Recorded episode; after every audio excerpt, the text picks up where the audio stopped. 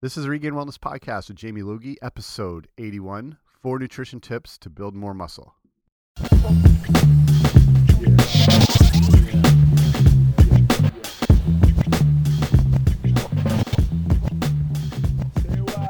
Hey guys, what's happening? Welcome back to the podcast. I'm Jamie Logie. I run regainedwellness.com, and this is the Regained Wellness Podcast. So today I want to look at um, something I think everyone wants to accomplish if they're trying to get fit or stepping foot in a gym, and that's the idea of building muscle. It might be building big, bulky, strong muscle or just lean, shapely, toned muscle. Um, but I think that's a goal of a lot of people in whatever capacity their workouts are. They want to lose body fat, they want to gain some muscle, they want to just change their their shape, their appearance, everything like that. So I'm going to look at some of the nutrition things you need to be doing in order to gain muscle because a lot of people will be potentially in the gym working out hard but then neglecting the nutrition recovery aspect side of it and they're really kind of shortchanging themselves as far as any development or gains in muscle or anything like that. So we will get going in two seconds. Okay, like I said, you're in the gym, you're putting in the time, you're putting in the effort, you're trying to get a lean, more muscular body.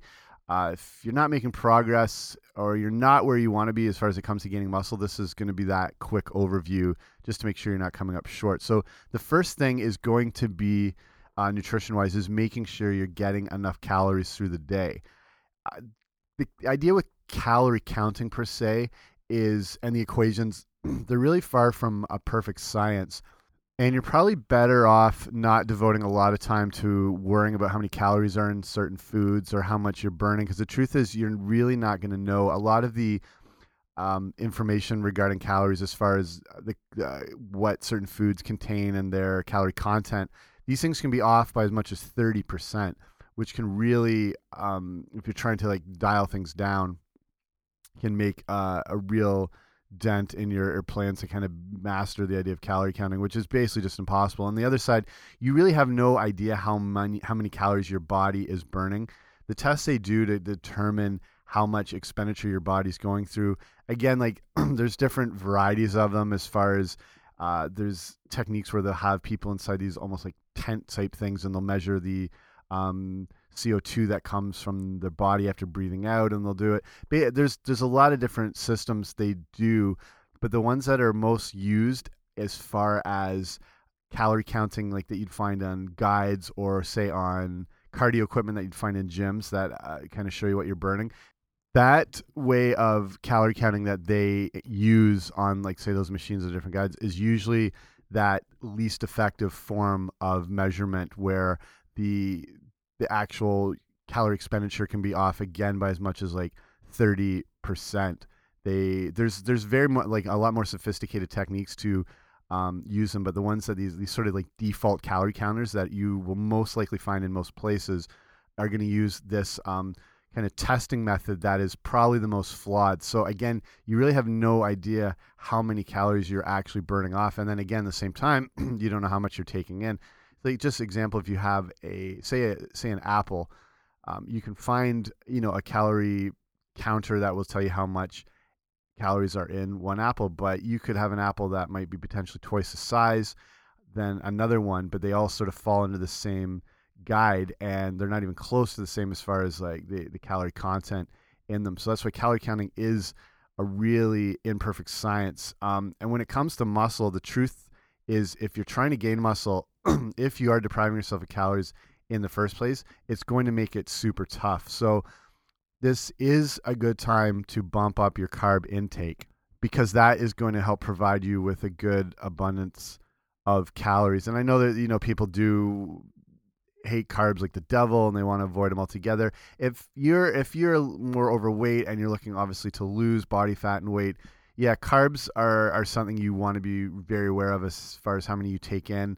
Um, the sources of them, obviously, kind of restricting portion sizes. If you're trying to lose weight, um, if you took your own hand as a good measurement tool and cup it, the amount of carbs that you could put into your cupped hand would be kind of what you'd be looking for um, for when you have your meals, just as far as to kind of give yourself a bit of energy, but not uh, an overabundance of carbs, which can be converted into more body fat if they're not used. And if you're, you know, struggling with weight and trying to take it off, that's when you do want to start really kind of dialing back on those carbs because they're just not going to work in your favor. And that's when you want to focus more on, you know, good things like good proteins, vegetables, obviously fruits, good healthy fats, you know, like um, avocados, coconut oil, olive oil, nuts, seeds, all that sort of thing. So you'll be getting good dense calories from there, but trying to restrict it back. If you are trying to, you know, get fitter, gain more muscle, um, this is a time where it's it's okay to get some of those extra calories because it will help translate into enhanced muscles as far as um, the carbohydrate storage in the muscle. Like you store muscle glycogen, at, along with water and protein, that can help actually make you know muscle look fuller and and leaner. It's also going to give you uh, some more energy to go a little harder in the gym if you're trying to really uh, push out those you know sets and reps, really break down that muscle tissue, those muscle fibers, and then to ideally build them back bigger and stronger than they were before. So that's when the carbs can help you. Um, like I said, that hand portion is a great idea because it correlates well to your own body. If you're a larger person, you probably have larger hands. If you're smaller, you have smaller hands. So it works pretty well. Um, so, like I said, use that one cupped hand.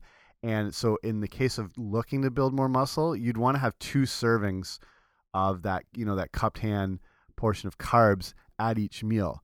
So now you're looking at what are the best sources of these better, cleaner carbs. Uh, I think, I mean, well, it goes without saying, but I'm still going to say it. This is uh, when you want to be avoiding whether you're looking to gain muscle and you're lean or you're, you know, you're heavier, you want to lose some more body fat and weight. This is when you want to be avoiding those really crappy refined carbohydrates. So basically, think anything that's white is what you'd want to avoid. You know, white flour, white bread, white sugar, white rice, white pasta. All those things are very high glycemic. Um, they really give your body just kind of a jolt as far as uh, um, raising blood sugar. Then that's going to drop. They're more likely to be converted to body fat. And the thing is, they don't contain really any nutrition. Um, so essentially, you're eating all this stuff and then almost starving on a you know cellular level as far as nutrients or micronutrients that you're really not getting um, where you would with better, richer, cleaner carb sources. So, I mean, these are things you want to avoid if you're trying to be as fit and look good, but as well from the standpoint that they're just really not giving you any health benefits and actually probably counteracting that and causing you some issues. So, your best choices for carbs in this situation, I think, would be things like, um, brown rice. Wild rice is really good. If you live uh, near, depending where you live, say in Canada, we have these bulk food stores called Bulk Barn. But any type of those bulk food places is an amazing place to get rice, and they carry all sorts of different rices depending on you know what's available. Um, near you, what that store particularly carries. Brown rice you can find anywhere, but the ones near me, they carry these amazing like wild rices. So they're a little more, uh, they're almost like a little chewier, a little nuttier but you know, super clean. You can find these um, like well, I'm here in Canada, and they have these. Uh, I think they call it like prairie rice, which is a blacker type rice, very thin and long. And if you're looking for rices, that's where you want the grain act to be a thinner, longer type grain as opposed to a thicker, um, fatter grain like a like an Italian like Arborio rice or things that you'd use to make um, risottos or pasta or sorry paellas things like that they're very starchy they're a thicker denser type thing. You want that longer thinner type. Jasmine rice is not bad again because that's like a thinner type one or basmati if you can find the brown versions of them but check out these other varieties like these wild rices or they'll do combinations where it's half brown rice half wild rice. They're awesome. It's, i use them all the time and super cheap too. So again if you go to these bulk stores you can load up on a ton of them um, white rice can have its place. I'm just saying there's superior choices, so why not go for those? And again, they would have more, you know, wild, like wild rice, brown rice has more, you know, nutrients, maybe some more magnesium. Um, just a better choice there. Another good carb choice, sweet potato. I like regular potatoes too. You kind of want to avoid those, the big starchy russet, heavy type potatoes. They're again, they're very high on that glycemic index it is it is slowed down a little when you add in things like butter, say sour cream, but then you're you know kind of uh, enhancing the overall calorie content of the whole thing. But you know, smaller like yellow potatoes can be not bad. They're still starchy again, but sweet potatoes are an awesome soluble fiber for source. And again, that good soluble fiber is going to help. you know, not just with um, digestion and regularity, but it can you know help maintain blood sugar levels, and as well as is important with gut health too. Is that good soluble fiber? Um, sweet potatoes, like again, depending on where you live and the time of year, they're likely more available. So, like where I am in Canada, we will have more sweet potatoes locally grown once the weather passes, but they will still bring them in from the states and whatnot. So again, depends where you live. There, yeah, it's something I use all the time. Just dice them up, saute them in some olive oil, olive oil or coconut oil. Um, perfect. Oatmeal's another really good choice. You can get, you know, that good steel cut organic varieties, again, they can help in controlling things like cholesterol levels, things like that. It's pretty clean source there. And again, because it's that soluble fiber, that's anything that when water comes in contact with it, it kind of gives it that uh, more gel-like secretion consistency. So it's a thicker type thing. It keeps you fuller longer too. So the things that promote fullness generally are are protein, water, fiber, and healthy fats to an extent. So with something like oatmeal, because it's made with water, with that combination of the soluble fiber, tiny bit of protein too, you're more likely to feel full. You know, like they talk foods like that kind of stick to your ribs sort of food. And if you have a really good meal of say oatmeal in the morning and you were at to add in, you know, add in maybe a scoop of protein powder to bump that content up, throw in some berries, throw in some almonds or seeds or nuts to feel like that crunch, you'll be pretty full for quite a while, guarantee after that, compared to if you had a breakfast as a bowl of, you know, cornflakes, um, orange juice, and then some sort of Danish or pastry or, or whatever. Basically, you're at that point you're basically having dessert for breakfast. Um, and again, really kind of overloading your blood sugar levels first thing. Whereas if you had something that's a little more soluble fiber based, protein based, um, everything, you're going to be fuller and you're going to be fuller for longer. Whereas if you had that breakfast that's a little more all kind of sugar, those fast acting sugars, you're going to be hungry in probably 90 minutes. And I think that's why people would like turn to things like donuts or whatever's available close by in the mornings, muffins, all that sort of thing. Another good uh, carb source, uh, quinoa which is not really. I don't know if you're familiar with quinoa. It's not really.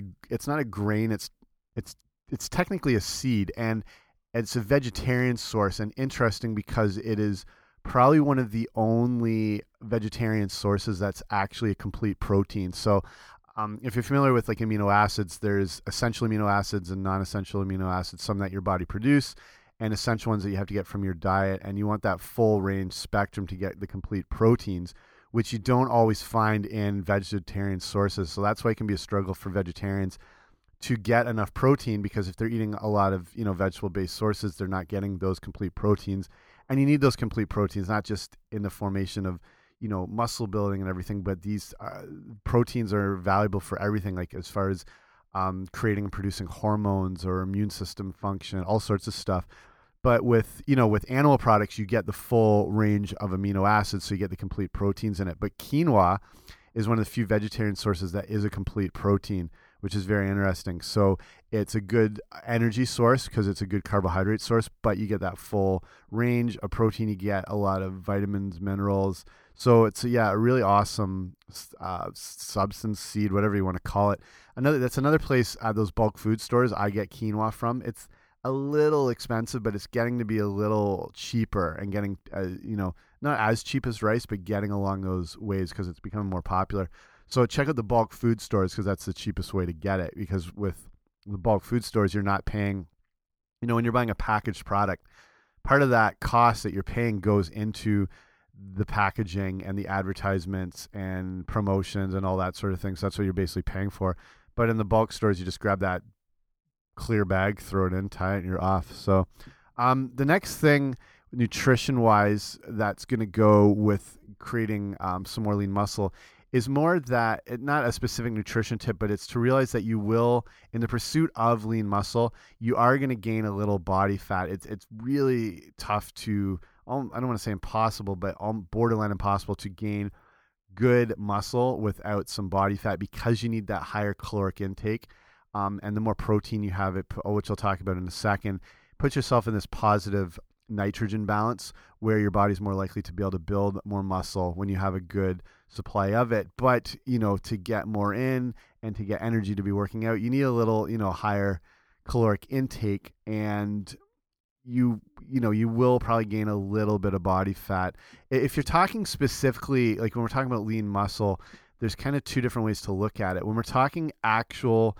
muscle tissue like the actual tiny fibers that repair back bigger that you break down you know when you feel sore the next day it's because you've broken down those tiny little muscle fibers and then when so they're basically thinking of them like broken and then the protein and things like water and nutrients help to repair them they get a little bit bigger. And over the course of time they grow and grow. When you're talking just straight fibrous muscle tissue you can only really gain about five or six pounds over the course of a year. But when we're talking about muscle size it's kind of a different issue because um, muscle size is related as much to things like water storage in the muscle and carbohydrate glycogen storage, protein synthesis, all these sort of things. So that's why bodybuilders, um, as strong as they are and as much muscle as they have, when they're getting more into competition stages, they're really bumping up um, their carbo carbohydrate intake because that's filling the muscle up again with a lot of water. You know, your body, two thirds of your body is made of water, and two thirds of that water is in your muscles. So the actual look of muscle, like bigger, fuller, rounder, um, shapely, whatever, has to do as as as much as what is within the muscle cell, and that's you know obviously the protein, water, things like that. So that's why, like when you're gaining some muscle size, it's going to come with a little bit of body fat just because of the extra calorie intake and all those things coming together to kind of um, create that larger muscle size. There's still a you know it's still a strong functional muscle, but that's just how muscle works. If you think of muscle cells as like little balloons, and when they're more filled up, that's when they expand and they get bigger, and that's what it looks like. But when we're talking about like the actual tiny muscle fibers, that's kind of a separate issue as well. But they kind of go hand in hand to create that lean muscular look. Um, so, like I said, you're going to need a surplus of those clean calories to help achieve it. So, some of the body fat is body fat gain is unavoidable. So, but you want to use that in your favor, like I was saying about having those extra calories and energy from the carbs. Use that a little bit of extra weight can actually help you to lift a little bit heavier, um, a little more focused, a little more specific, and then you can find you achieve even more results there. So use that in your favor. Um, you again, I don't want to relate everything to bodybuilding, but I mean that's their entire pursuit is muscle. Their entire lives revolve around muscle. So if you see a bodybuilder off season, they're quite um, they they're so much bigger, but they have quite a bit more body fat because they're using that off season to lift as heavy as possible so they can gain as much muscle as possible. But you know, so that kind of goes hand in hand. They have to be a bit heavier, have a bit higher body fat body fat content to be able to push those heavier weights to engage more muscle and to break down more muscle. And then they transition slowly and they start to diet to strip down that body fat a little and just kind of reveal more of the muscle that's under there. So this is what you have to look at. Some of these guys can still look amazing in the off season, but some of them, um, it's kind of a night and day transformation. And this is anywhere from pro bodybuilders who are on huge amounts of anabolics and pharmaceutical help, but even to amateur ones too, that you'll see in their off season they're a little smoother they're not as conditioned which is something they have to do leading up to the contest but in the pursuit of actual muscle that's the time where they will mm, sacrifice you know a little bit of the body fat just to be able to train harder and stronger and gain more. So it will happen. And then that's when you start to find that you're at a better state as far as you're happy with the amount of muscle you have, then you can start to, you know, reduce the things like the carbohydrates a little bit, back them off a little more, um, and then just kind of see how you're responding to it. Okay, the next main nutrition tip is going to be based around protein. Um, again, it can be, this is a big, complicated subject. I'll put, I have a whole podcast based around protein talking about specifics of it. Um, and I'll link that on the show notes. So if you're listening and you go to um, just open up whatever browser you use, go to regainedwellness.com slash 081. I'll have all the show notes and information I'm talking about here, but I'll link up that um, protein podcast and even a few articles I wrote on it, just if you want to learn a little bit more. Again, it's it's you know a complicated issue, but without protein, gains in muscle is basically going to be pretty difficult. And along with you know protein has these other roles like i mentioned earlier you know it makes enzymes and hormones but it's also a structural component and it aids in the repair and the recovery of the body so protein is a tough thing for the body to process and digest and you want to make sure you're getting in enough getting enough in as a percentage of the protein you consume is going to be used just to digest and process itself. um, it's seen that around 30% of the protein that you consume is used just to process itself because it's it's such a it takes a, a higher energy demand by the body um, process it. So in this case, it's a real metabolism booster, um, and again, it can help keep things like hunger, hunger under control. And it's a metabolism booster in the fact that it's considered thermogenic. And that's, like I said, where it has to use a percentage of its own energy to process itself. So that raises metabolism because it has to work harder and burn. So it's when it's when you talk about things like thermogenesis and whatever, that's your body's ability to kind of burn more calories and whatnot. And protein is a thermogenic um, compound. And again, the protein helps keep your hunger under control. Um, but you definitely don't want to shortchange yourself of protein because that's really going to affect your muscle building goals. So, like I mentioned before earlier about uh, a positive protein balance, they call like a positive nitrogen balance, is going to be key in gaining muscle. Um, as far as how much you want to be consuming, there's tons of different studies. I'll link a few up that I've, I've referenced um, in other articles, but you're wanting to shoot for around, and this is roughly around 0.7 to one gram of protein per pound of body weight. So pretty simple. If you're 140 pounds, you know you want to shoot for you know probably at the high end 140 grams a day, but 0.7 will get you under around you know anywhere from 90 to 100 grams, which isn't that hard to do. If you think the average chicken breast is around 30 grams of protein. um, three of those a day. It doesn't have to obviously be chicken breast, but you know it's not that hard to get in that amount. Um, again, differing opinions on the exact amount ideal for building muscle, but it looks like the majority of the studies say you want to stick in this range if you're looking at making gains in muscle. So 0.7 to 1 gram of protein per pound of body weight. So obviously your choice is here. Um, beef, you know, chicken, fish. Obviously, if you can get the cleanest versions of these possible, as far as grass fed, hormone free, free range um, type things. Same thing, yeah, it goes with uh, with eggs if we're talking about chicken. Other protein sources would be, you know, nuts and seeds. You can do things like Greek yogurt, cottage cheese. Um, basically, uh, yeah, I love nuts and seeds, almonds, walnuts, all that sort of stuff. You, you basically want to keep your muscles fed throughout the day. And if you're really um, serious about lean muscle, that's when you want to be getting in some form of protein every two to three hours. through the day, uh, as you know, as well as your water content, which I'll talk about in a sec. Uh, protein shakes you are, I think, definitely helpful. Whey protein has been studied quite a bit, and I think there's really no confusion on how beneficial it is. It's one of the cleanest protein sources possible, and they talk about like the biological value of protein.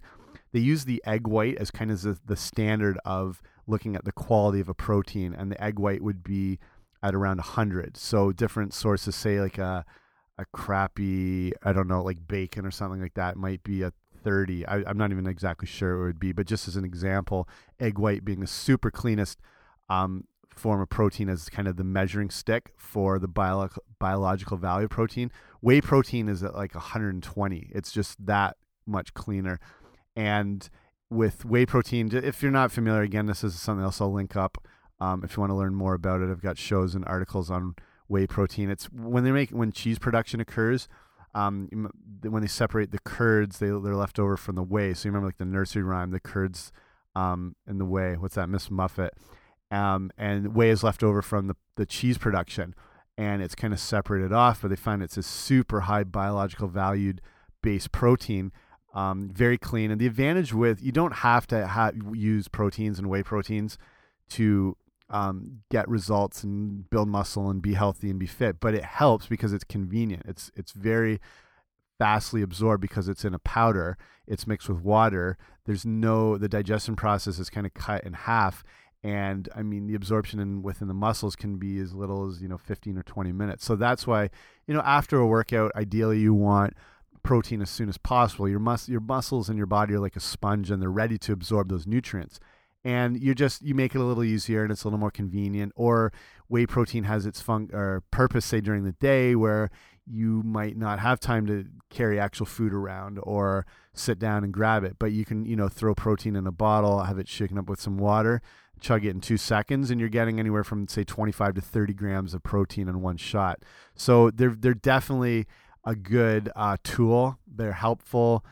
Um, it's again, don't feel like you have to use it, but they they definitely have their place. Whey like protein powders, whey protein powders, things like that. If you're buying one, you want to look for one that has the least amount of additional ingredients as possible. I mean, you want it as ideally if you can find just straight whey protein, that's the best. After that, different companies will add in their own kind of flavor variants. They'll add in a few other things. If the, the list of ingredients is a mile long, um, maybe look for something that's got a little bit fewer um, ingredients as far as what it contains. So that's just my tip on protein. So the last thing here, we'll be talking about um, making sure you get enough water day, and I've sort of touched on this throughout the whole show. But like you know, again, two thirds of your body is made of water, and two thirds of that is contained in the muscles. So you need protein first, as we said, to in order for the muscle tissue to grow but it's important to not neglect your water intake. So, like I mentioned before about that idea with uh, your muscle cells being like little balloons, water helps to keep muscles full,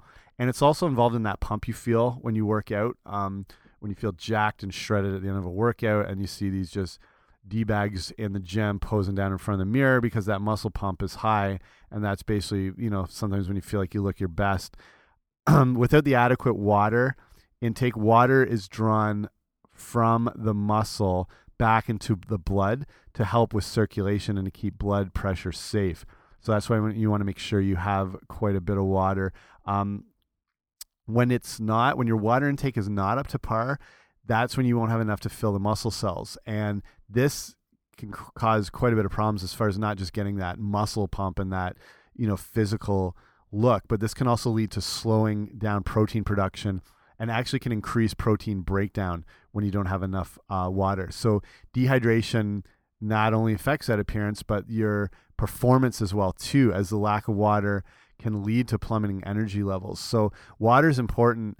Um, you know, when we're talking about just being hydrated, uh, what does that mean? That's involved in a lot of things like um, circulation, digestion in the body. It keep, balances body temperature, and again, it's related with a lot of your energy. A lot of times, people think they're sometimes hungry, it's and they have a lack of energy. It's actually because they're dehydrated. So always make sure you're constantly um, drinking water. And and again, water intake or lack of it can really affect cognitive function. So if you're stressed with work, if you have a lot to focus on, or you're a student, you really want to make sure your water intake's up because it can really knock down your um, memory, your ability to concentrate, all that sort of stuff.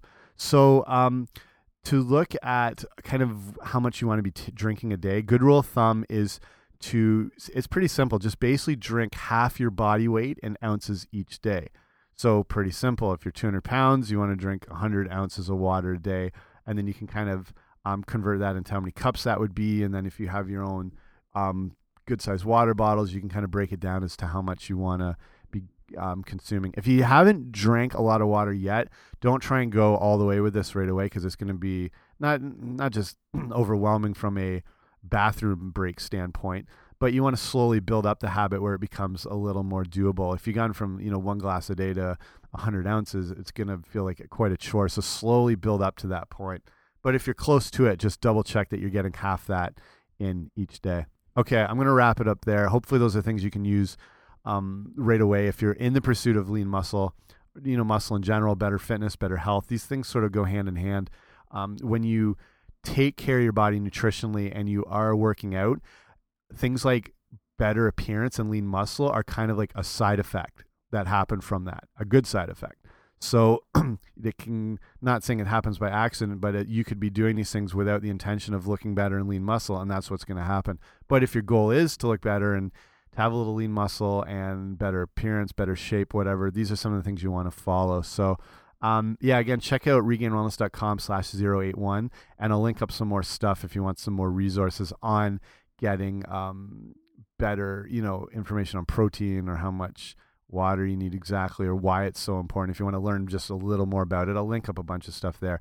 And if you're looking for some more info on healthy eating and like exactly where to get started and things you need to include or things you want to avoid.